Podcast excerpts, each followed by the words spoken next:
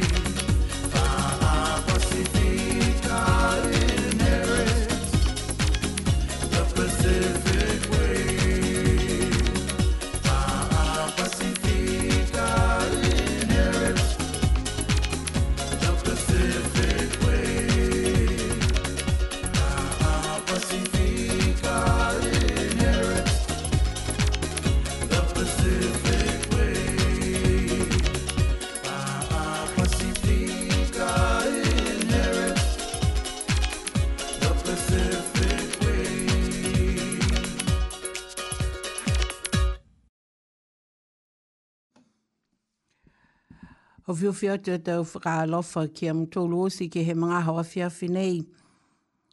Whakaue ke he whakaalofa noa he atua, Mai hāna tau lewe ki anga ki lunga i hata tōru tau mō mōi ko mai ki te tōka whilewe i ai ki aho ni.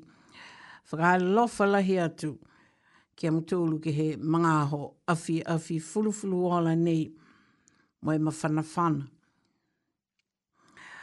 a tau tūlua tau matakainanga lo longo fia fia, lo longo loto matala e tau whasi lo longo tunga nei ko J-Love. Mo e hana a lo longo Pacific, Pacific Way, koe anga he Pacifica ka, ke tuku atu e tau whakalo whalahi whakamua ki am tūlu. Matakau pum shakalaka kua whakafia fia atu a tau tūlu hea whewhinei, mo e whakafilewe atu. Mo Whanonofo ke tau tolu ke kamataanga ha tau tofu haloanga tunga whamahane mai he tau matakau lato matala nei mai niu e whikai matakau tu funga motu me hala tolu a tau lolongo whakawhia ia. Mai hawhangia ke tau tolu whakaloanga ha nei e mat, uh, kaulolongo PIPC mai e o tala me hala tolu a tau whakaheke ki hea tua ki he tau monuina longa, tau momoui malolo, malolo ke hata tūlo tau kaina ke he tau mga honei. Pia ni ke hata tūlo tau mō mōi mō whawa. Ko e awhiawhi nei, awhiawhi mai mai langa anga he tau malolo sino ha tau tōlu. Ko e whakaholo anga nei mai he whahi malolo sino i Wellington.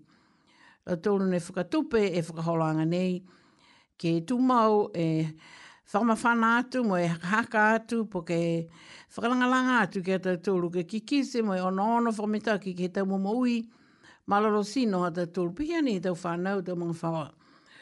Ai ata tūlu ia hea whiawhi nei, ma lingi tu tu ane mo e whakaloanga whahi malaro sino, mai punanga wanga honiwe, ke he Wellington Access Radio, numela tahana kai on puintaha FM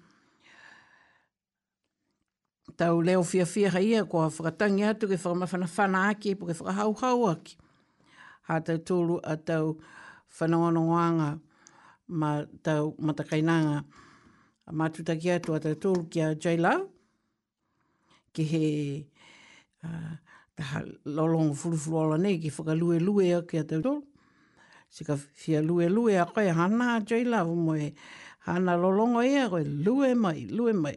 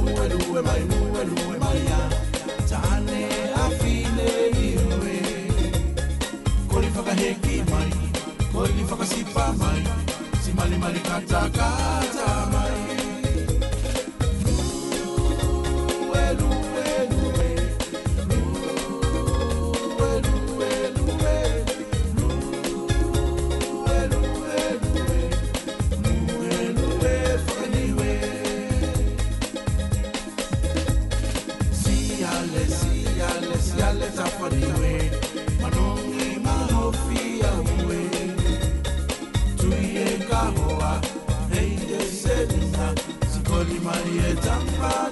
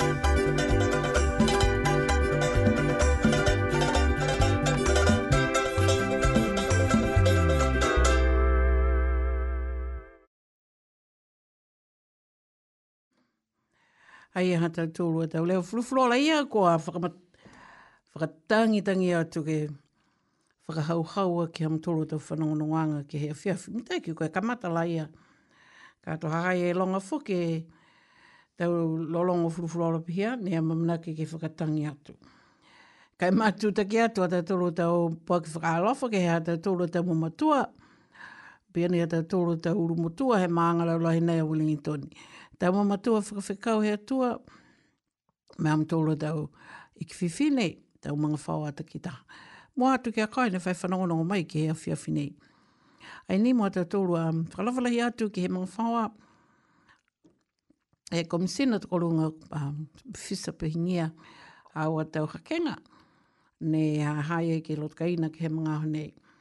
Mō atu fōki ki am tōlo ne whanonga mai he tau maanga ki he kehe, tau motu ki he kehe, kehe a koe tau whilewaia whakamanga whaua, po ke whaka laulahi he tau lotamatala ke he tau aonga pulotu, po ke haka kano ni kua whanonga mai ai ke he maanga nei kua wilingi tuani.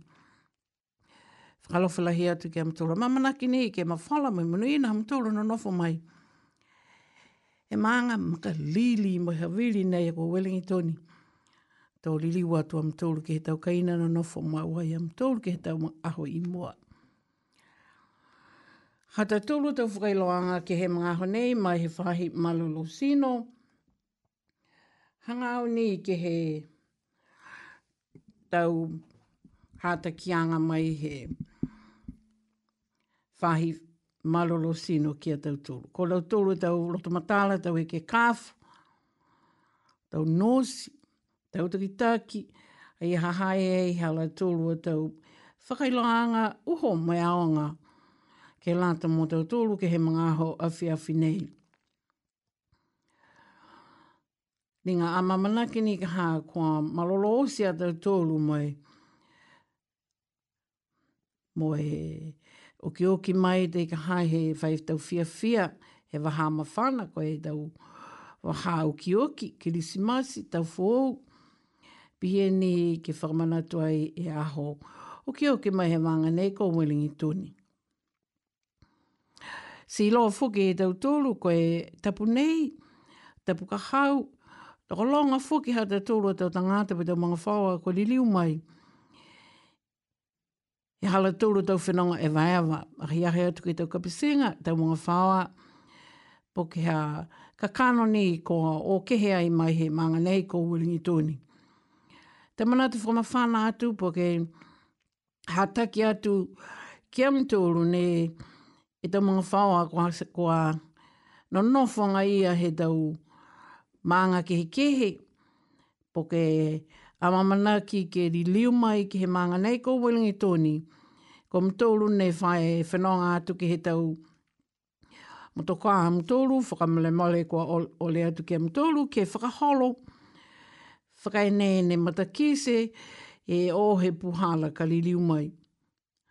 A koe, moe onono whano ke he tau puhala tū, ke hao moe whiawhia i whenonga hao me hao mga whawa ka hoko mai, ke he mangane ko wiling i tūni koe kai nā mtoulu ni nono whai.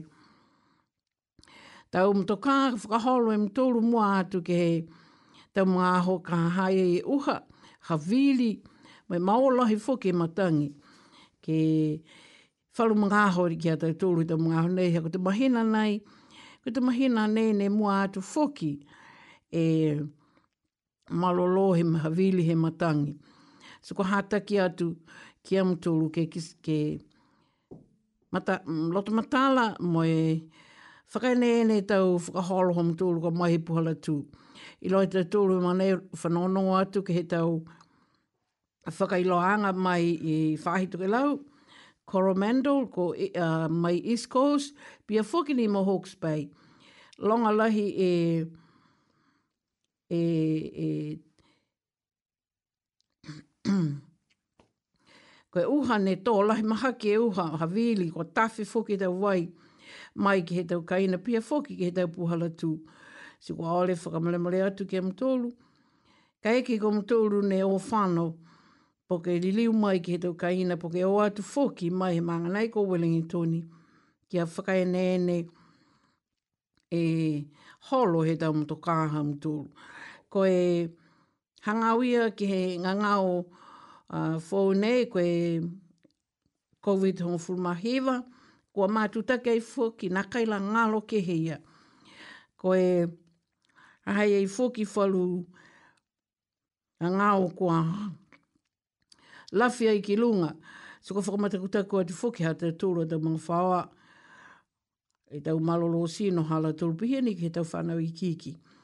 So ke tau liu ni ki whasia ki atu whoki e tau hātaki mai.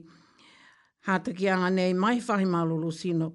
Nā kaila kehe Nā kaila hiki whoki ia. Koe mauanga i e ni e malolo whoki tau hātaki anga nei. Ki atau tūru ke whakaenei nei mo e ki kese tau mena ka oki ai, ha koe tau moko nei, nofo ngā ia e ni i a tau tōru ke tau mga ho nei, ai si e tau tōru. Nā ki haia e ni e tau ka ina ha tau tōru. Si ka eke ni kua, ka eke ni kua whakamalolo e tau tōru tau moko nei ke no nofo mo tau tōru, kua ukalahi ki tau moko nei ke ngālo. Whakamawhana atu, mo e whakamanatua atu ki he tauranga tau se maanga nei ko walingi tūni. Ke utala e tau hata ki anga nei, mo e mui tua lai ki ai, ke ki kise koe e tau mana kua mitaki, ke hao fia ai fuki hao a tau whanau, mo e manga whaua katoa toa. Ka he ki ko koe na kaila osi e fuki hao a tau huki nei, ne kua whē, kua whae whakailoa atu tū mau, he tau leo tā onga pehe nei, he tau TV, po ke puhala whēni kua whā hoha tū mau atu ai, si whakamale mole. Ka eke kua nā kaila katoa toa i hausi. Tahana mena e ke ole atu ke koe se whakaonga la e pāngutu, hau, ka eke kua whanau koe ke tau toloanga me mana tu e, e veha hau mai taha, na ilo e koe. e mo atu ka eke koe tangata nā kai i mahani mo ilo e koe. Whamana tu atu fōki, kia tau tōru ne fa a fia fia lahi ke tau wai furufuru ola. Vai mamali he hau e tau tōru, whakaholo whakaenene a koe ka liu ki ka ina. Poka lo e koe na nā kai maeki a koe ke whakaholo, si ui e tau mo to kāne whālango ma tai atai tōru ke uta ke tau kaina. Ke tau mga tunga tau te ki sī koe, whanau he posi, ka tau, tau mga muke posi. Ka eke ko whakausia ki tau whakailoanga nei, ma hata tōru whakailoanga, ko a... Ka eke ko koe ne whai whanau tūmau ke tau mataha whanga, ke tau mga honi na whamaha ni e tau tangata ahi ahi, la tūnu ni whaile weki ki he tau mata whanga nā ki a koe ni me whao nono atu, ki a koe whai ka kau me fia fia mai he puketahi. Ai, kai e pehea la tūru ki he tau mga honei, whakamale maoli ka ki sia koe e tau masini, Kua toka he tau maanga tahia, se koe, koe, koe whakailo atu i kia koe ke whakamamau a koe ua, whana koe ke kukū he maanga tahia. Mm. Ka eke ko nā kaino no whai e tau tangata le veki ka hā ke he po ke lau tōru ne whai mata kaki atu ka koe ni ke whana koe ke ka kaungoa ngoa si whai mena tupu a koe he nofu nei ka koe beheni a lau tōru ka koe i loa e koe e mena kua mitaki mua atu e, ke manatu ke onono ma ki se kesi tumua o ke hangawa e tau whanau i ki iki toka noa e tau whanau. Mua toka noa e tau whanau. Mena lahi fuki ke ono ono koe hako mena whahiki tu mau e, e tahi mo e wawe tawhi ka eke kua hoko mai e mga hoia. Ono ono si mawhisi atu ke liu atu ki, ki utake matawa de one. Koe whalu whakailoanga nei tō mātuta ke atu me matua ko holona lui ko ia ne hahai ai e tau whakailoanga nei ke... Ke matutaki atu me falu ne toi. Ha kwa longa lohi fuki tau ngā ngau nei, kwa longone tau tūlu ki tau ngā nei, ma tau matakai nanga whanonganonga mai ki he whalu leo furufuru ala mai a e Jay Love. Kua whakatangi atu fuki mone kai oki oki e matua nei. Mm -hmm.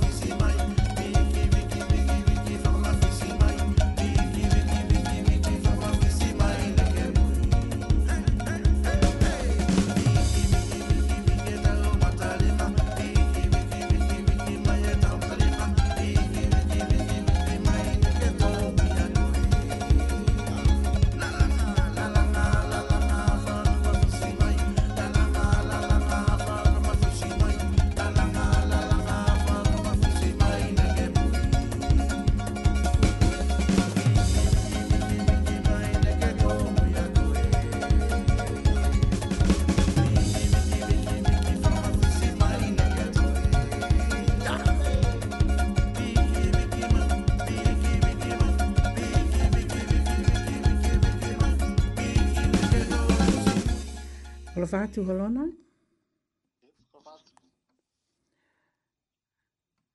Laona na kai? Um, okay. Whakalawhalahi atu, a mamana ke ata tōru ke whakatūtalai mō mo, e matua ko holona lui ke he mga hoa whiawhinei, ha koe hana a taunga hoa,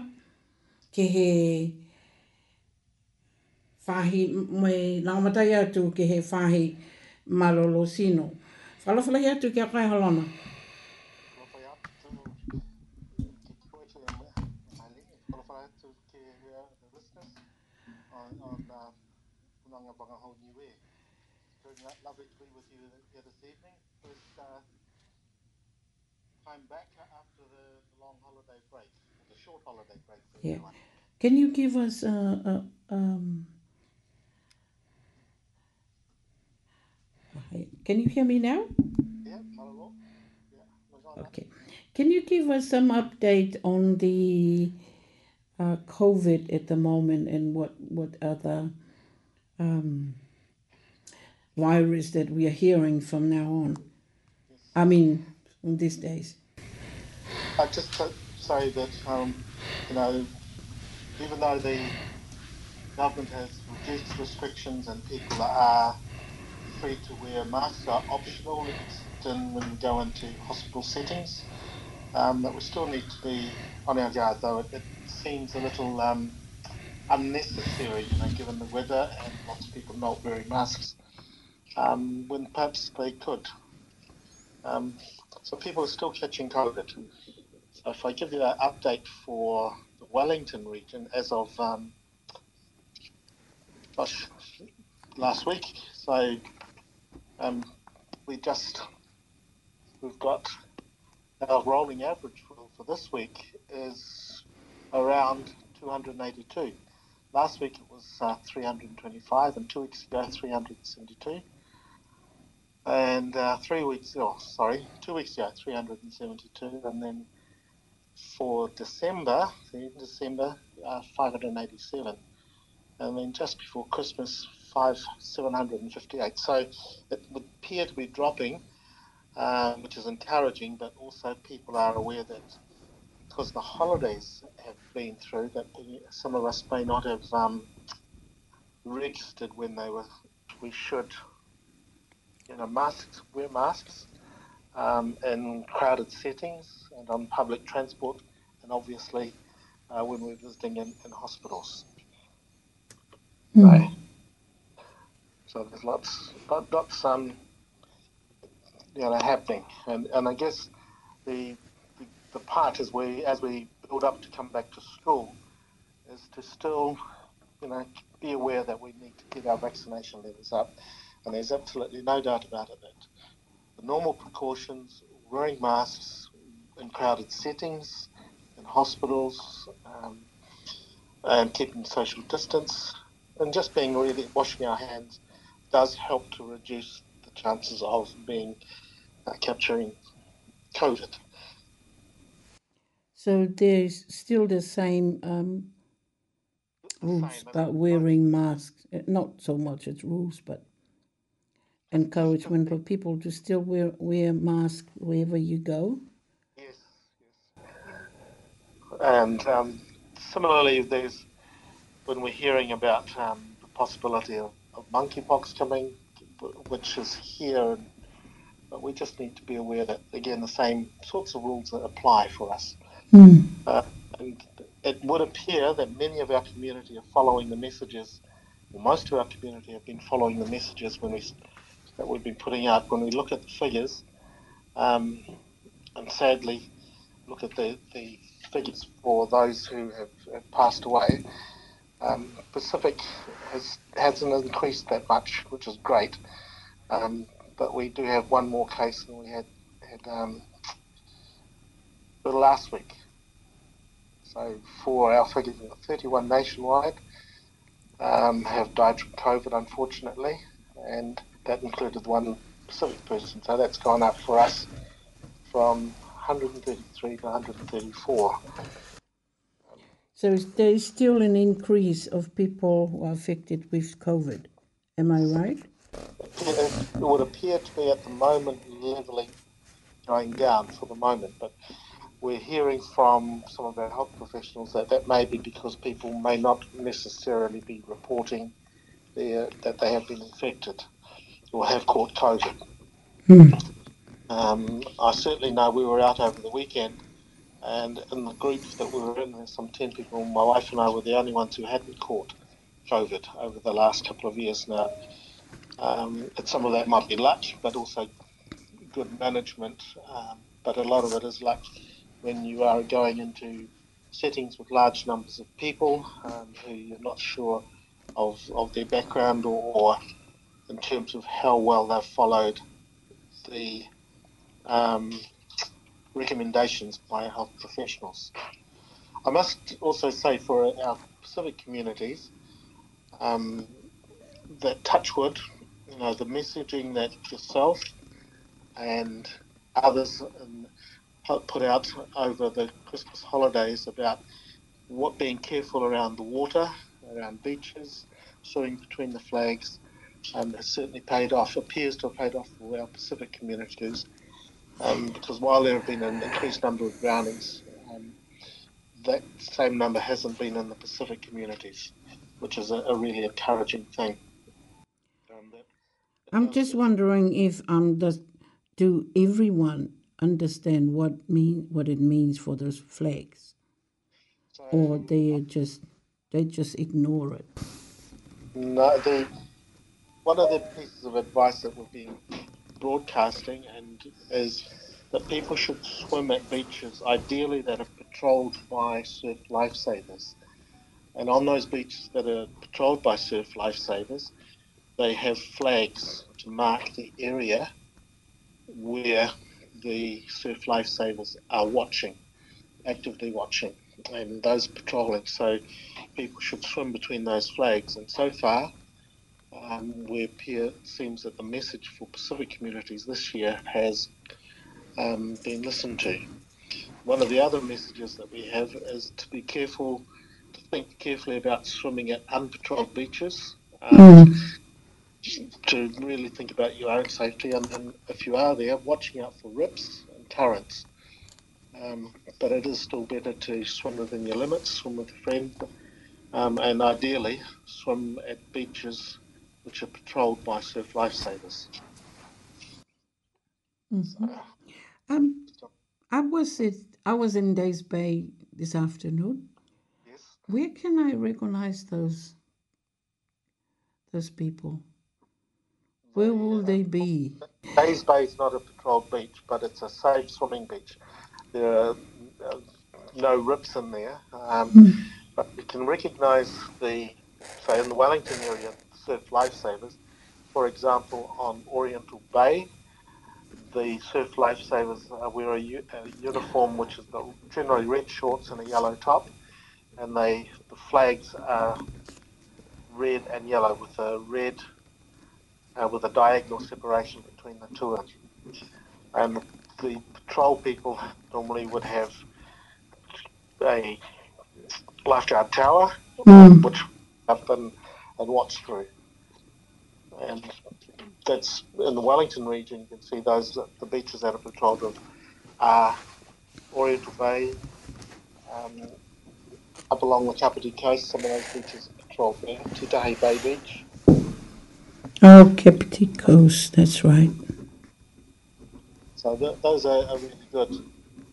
The other thing that, that's encouraging is people are now returning back home and just to remember to to drive to the conditions and to drive safely. So not to speed or, or overtake in silly places, to wait for passing lanes. And, you know, what's an extra few minutes um, to avoid having an accident by, you know, just driving to the conditions. So, which is, is good. The other thing is really just to be aware, got some tips here for people who have caught COVID.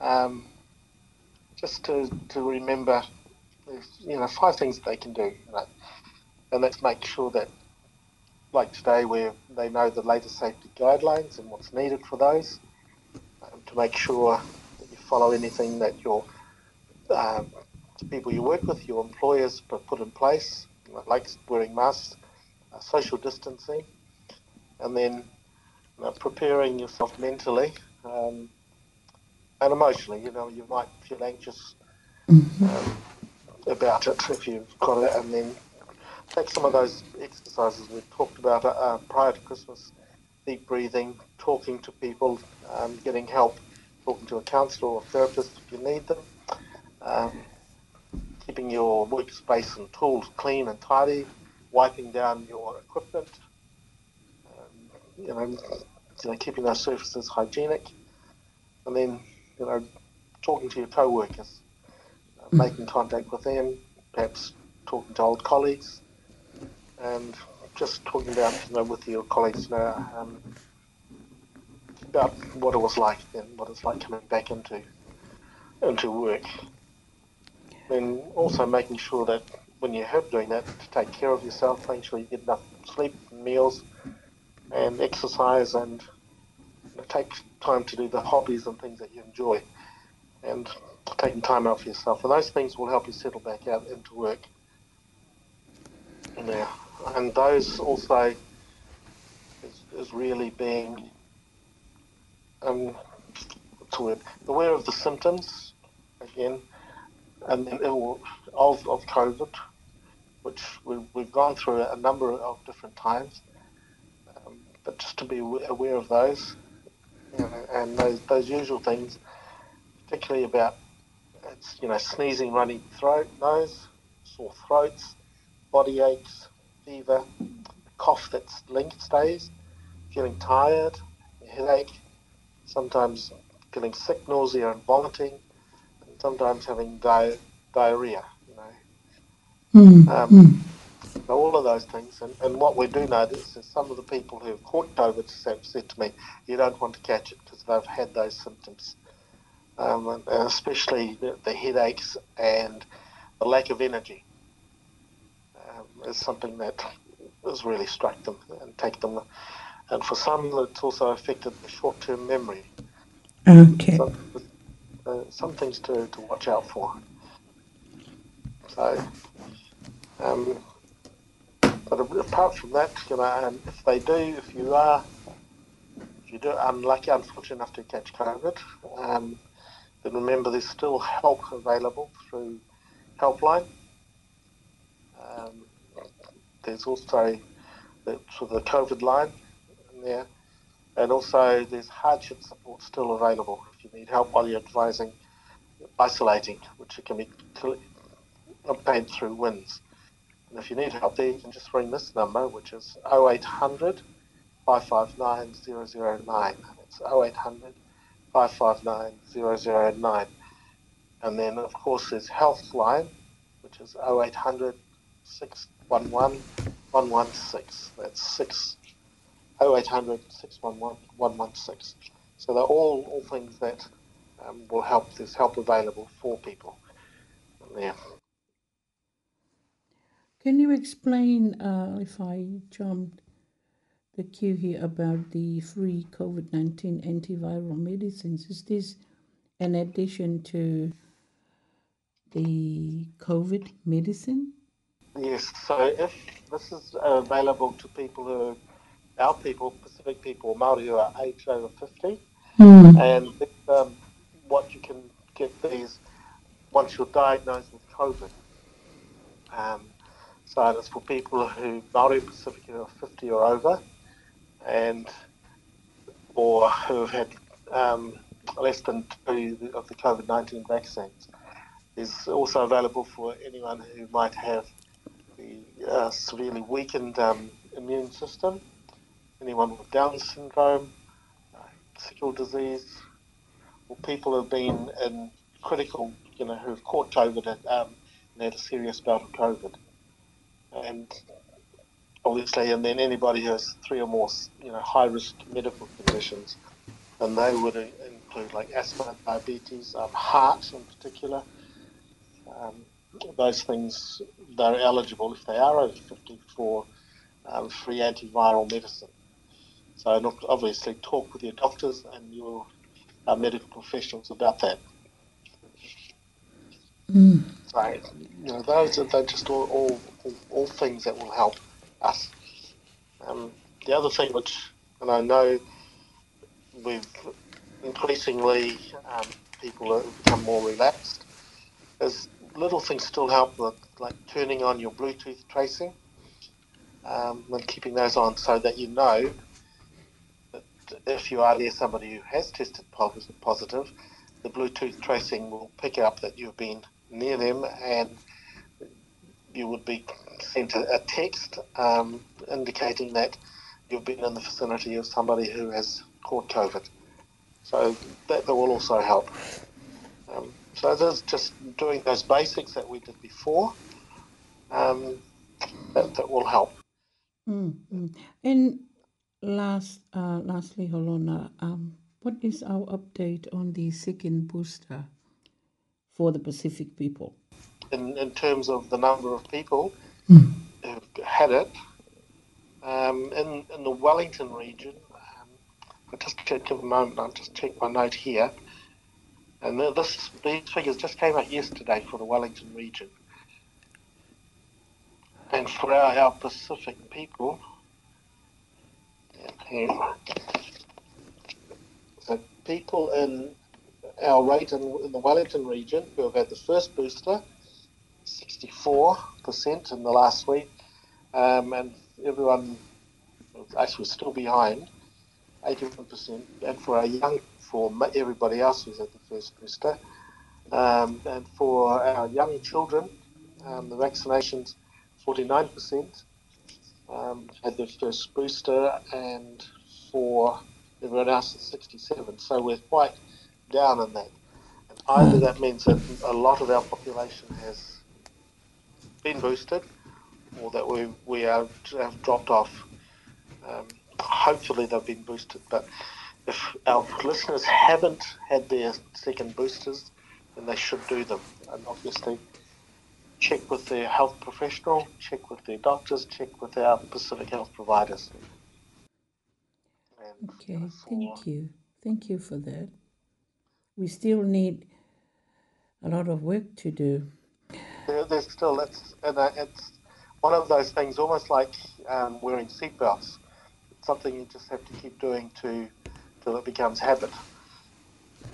Um, you know, like keeping up to date with your um, vaccinations, whether it's for COVID or whether it is for um, mumps, measles, or rubella for our young ones, whooping cough.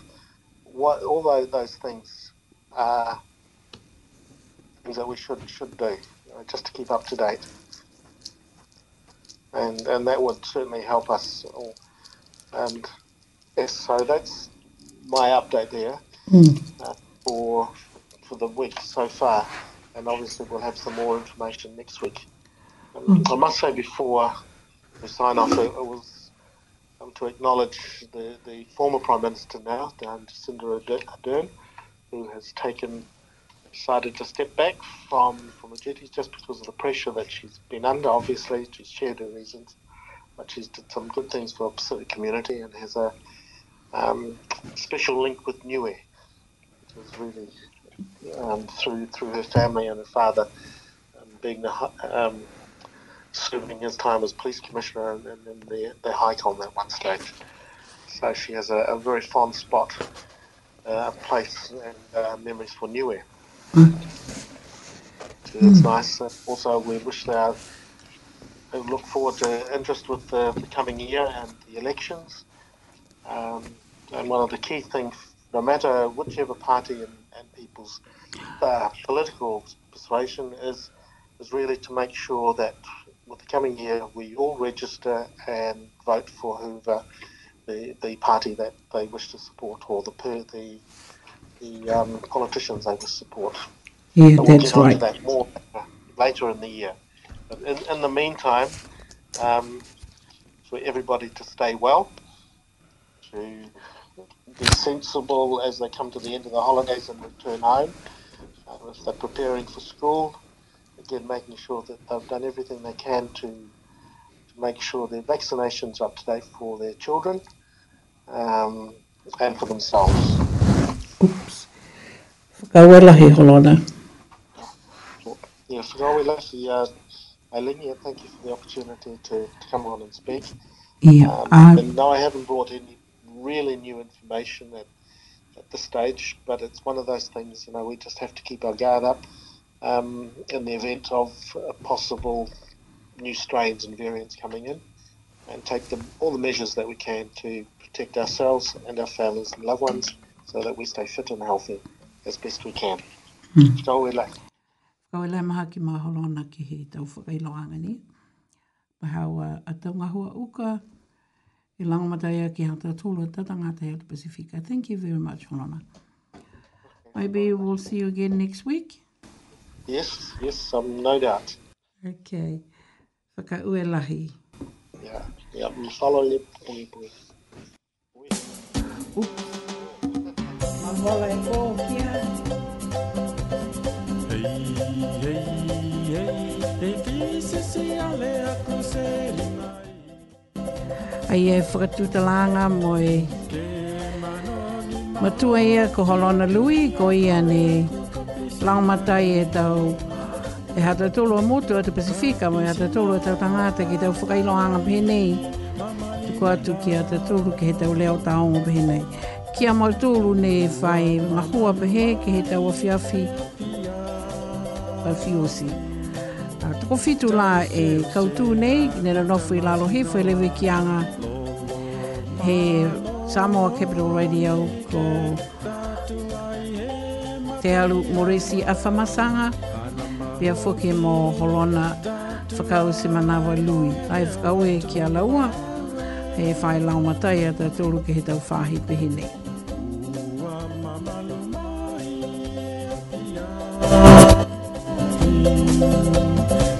se cama si no va, quiero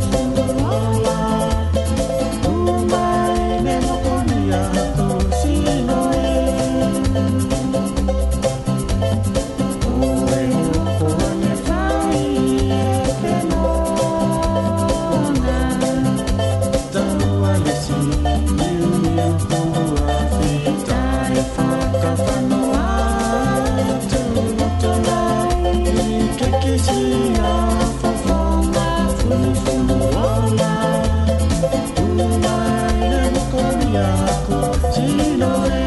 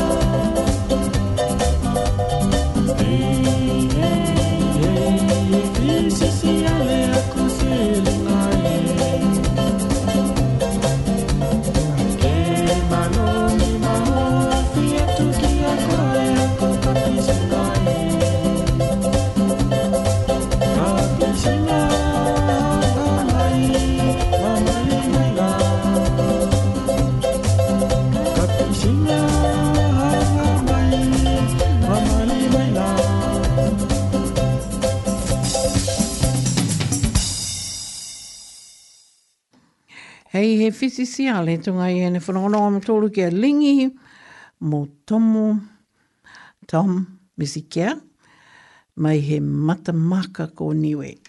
Tei me te tōru ko ofu ma whātua e te muna te mole e mata hala walu. Se i whanonga o lio te tōke whanonga mai whukini ke whalu leo furufuru ola nei. Mō nei o atua te tōru ki ki whee, ki Ki hukutawake. Homeland, sweet homeland, mai a tu a tikihipa, tuhipa.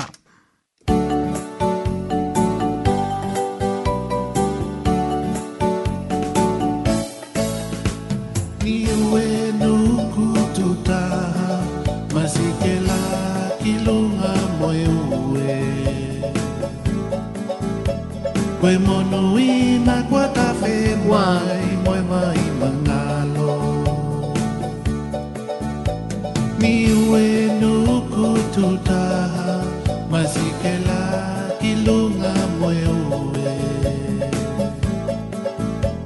We ina kwa guatafe mai moi mai manalo. We hala mai monoi ina ke manuwa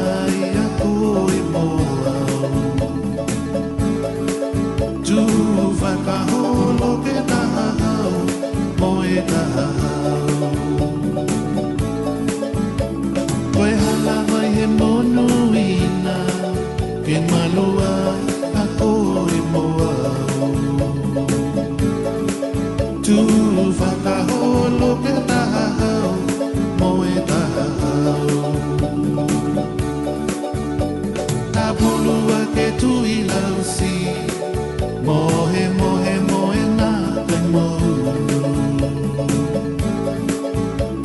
Tu mau e mawhala mani ue nuku tuta Ka pulua ke tui lausi Mohe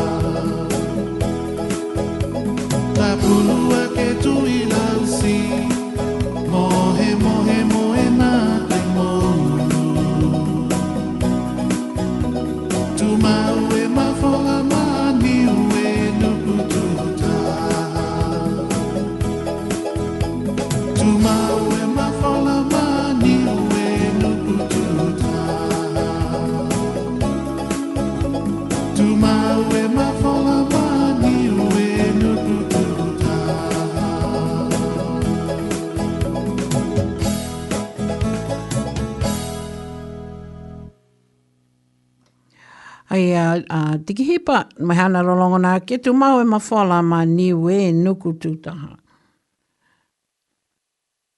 Olei ma whala e tau leo fulufulo le ia. Ke whakausia ki hātau tūlu a tau whakailoanga mai e whahi malolo sino, koe tau ononoanga he ke na taia mo e mahina ka hau a whipuali, koe whahi tapu ka hau whakalate au nā kai. Ko a kau whakalantaha e taumatakau whahi malolo sino e atu Pasifika, mo e kau ka hua nere whakahingo koe Stats New Zealand, ke whakailo atu ki amatolu he tau whakawhiawhia ko hangaua tō tatolu ki ai.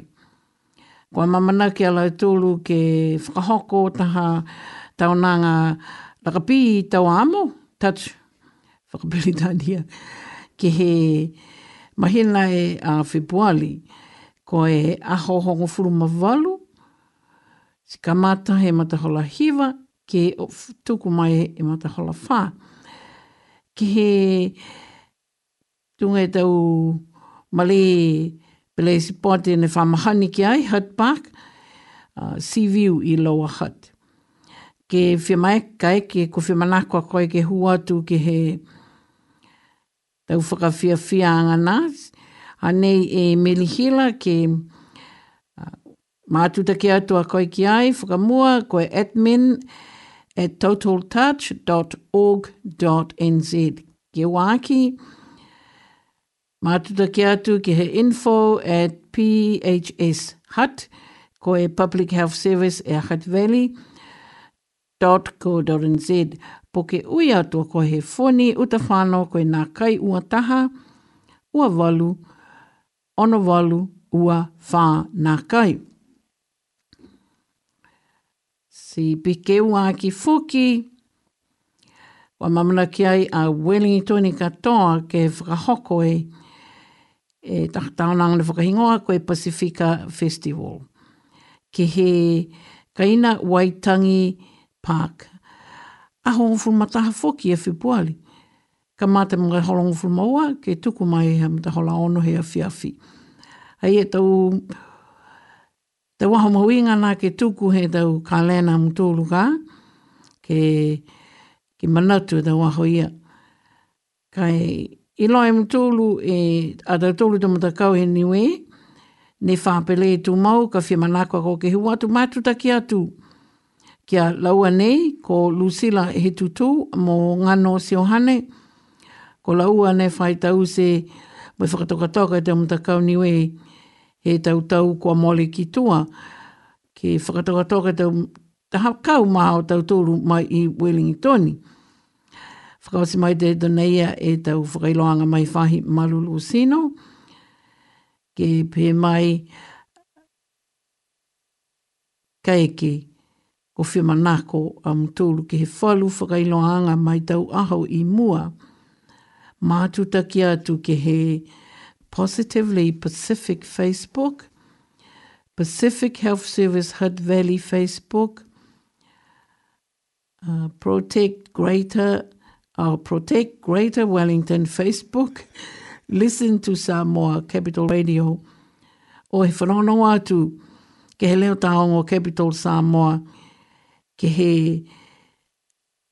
numela tahana kai on poinita FM tunga nei nei whai uh, whakatū tā la toa iau hea whiawhi Pia whoki nei moe sā moa Capital Ra uh, Radio's Facebook, YouTube channel moe app, CCDHP's Pacific Health Programs he numela taha nā kai ono, Puintaha FM mo e uh, 531pi slash new FM.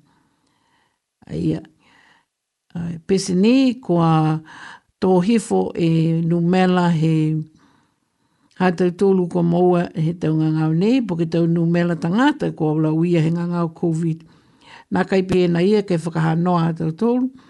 Liu ni ke hata ki atu. Uh, um, pese ni kua nā kai uh, whai whakatu whono ke tū mau e pui pui a koe, kai ole atu ni ka koe ke he tau mga hoosi, tau se e tau mena moe mātuta ki atu muitua ke tau hata ki anga nei, le vē moe pui pui a koe me hawa mga whaa.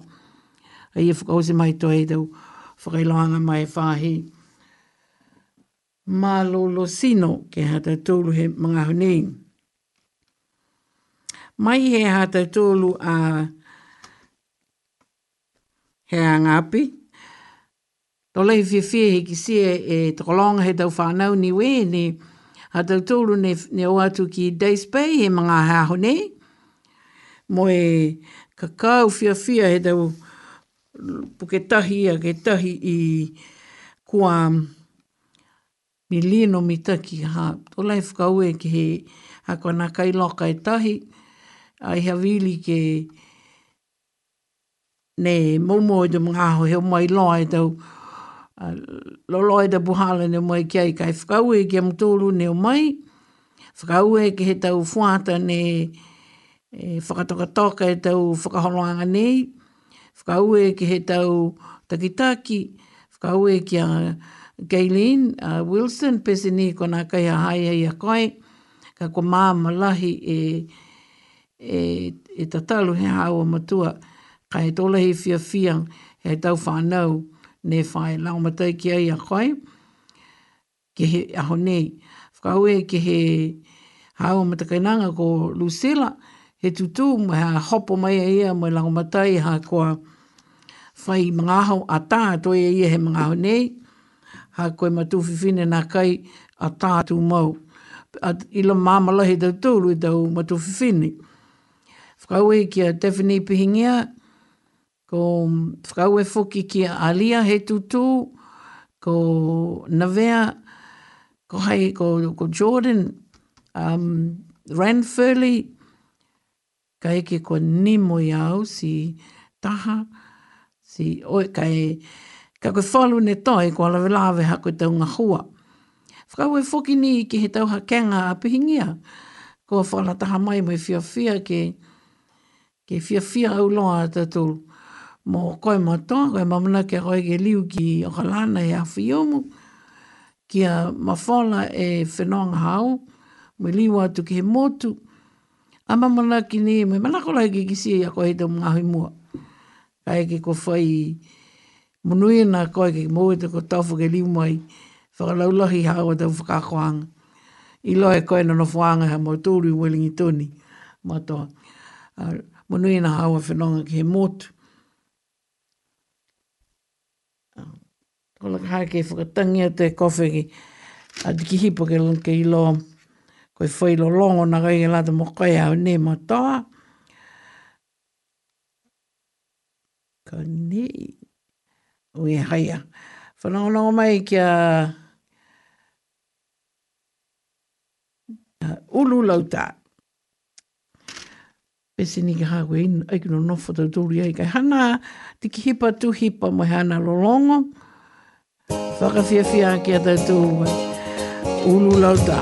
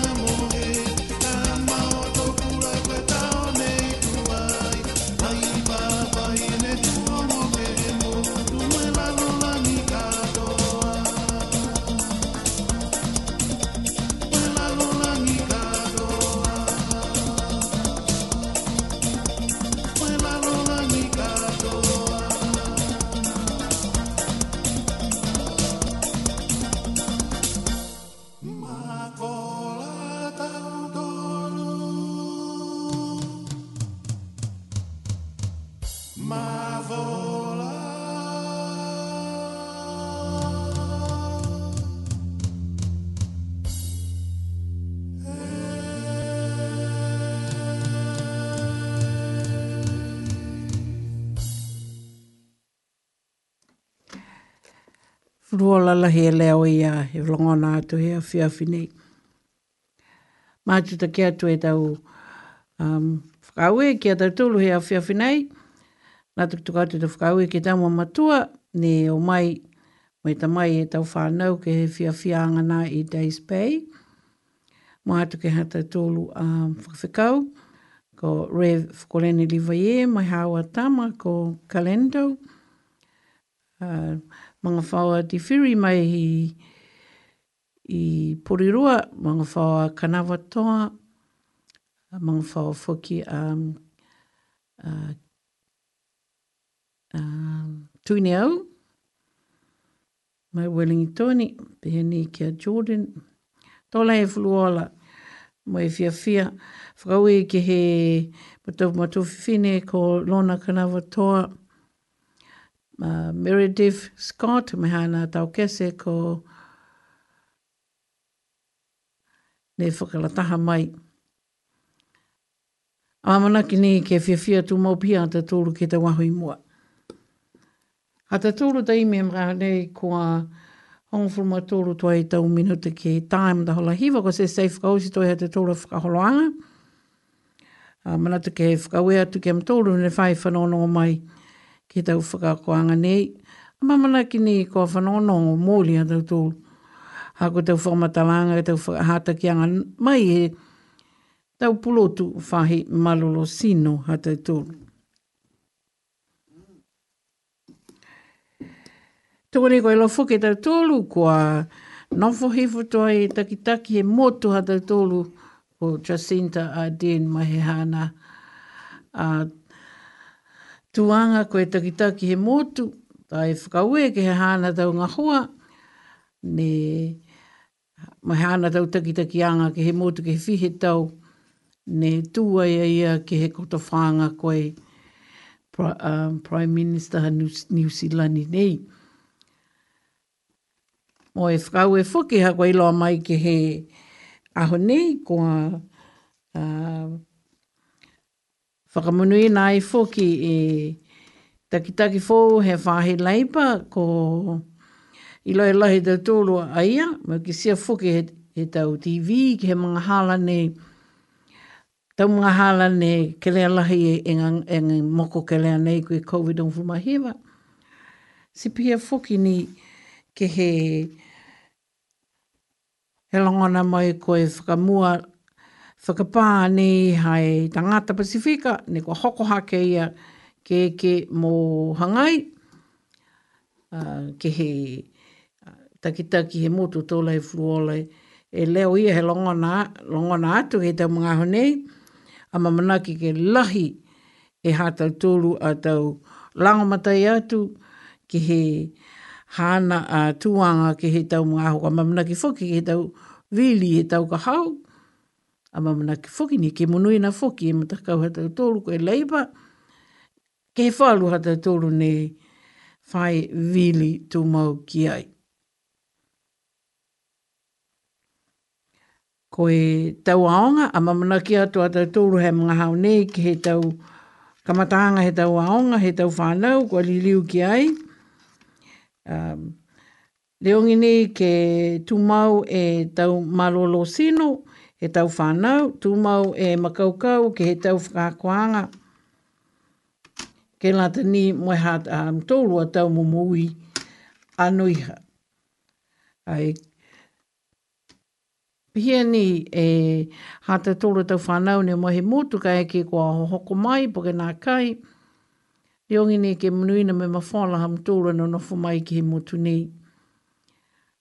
Pihia ni a mauna ki fōki a tātoro ke whamawehe ha tātoro a tau kapisinga, matakai nanga, koe matua, mua atu koe he punga hua lilifu ni hoko hoko mai e ha tātoro a um, komisina tukulunga ni wei ki ai he tau tau kua maali. Sei me hako mai fōki e mga aho ki whenonga atu a lautoro ke he motu. A mamana ki fōki ni ke mawhāla, mwenuina. Mwenuina e tau aho whakausio si ha ha lau tūr he no nofu mai ki he motu nei. Pia ni me tau whanau kua whakalataha mai. Ni ngā holo he whawhai e tau rol mō nei ki alofi ki he matakau moana luke luke. Ilo loa lahi tau tūlu e matuwhiwhine lotu matala ni fwesi tau lolongo nei pese ni como leo to ia kai man mm, fulu ola ngai hana to lolong ni kana a lofi nui ko ko to gem to ki da kai ngai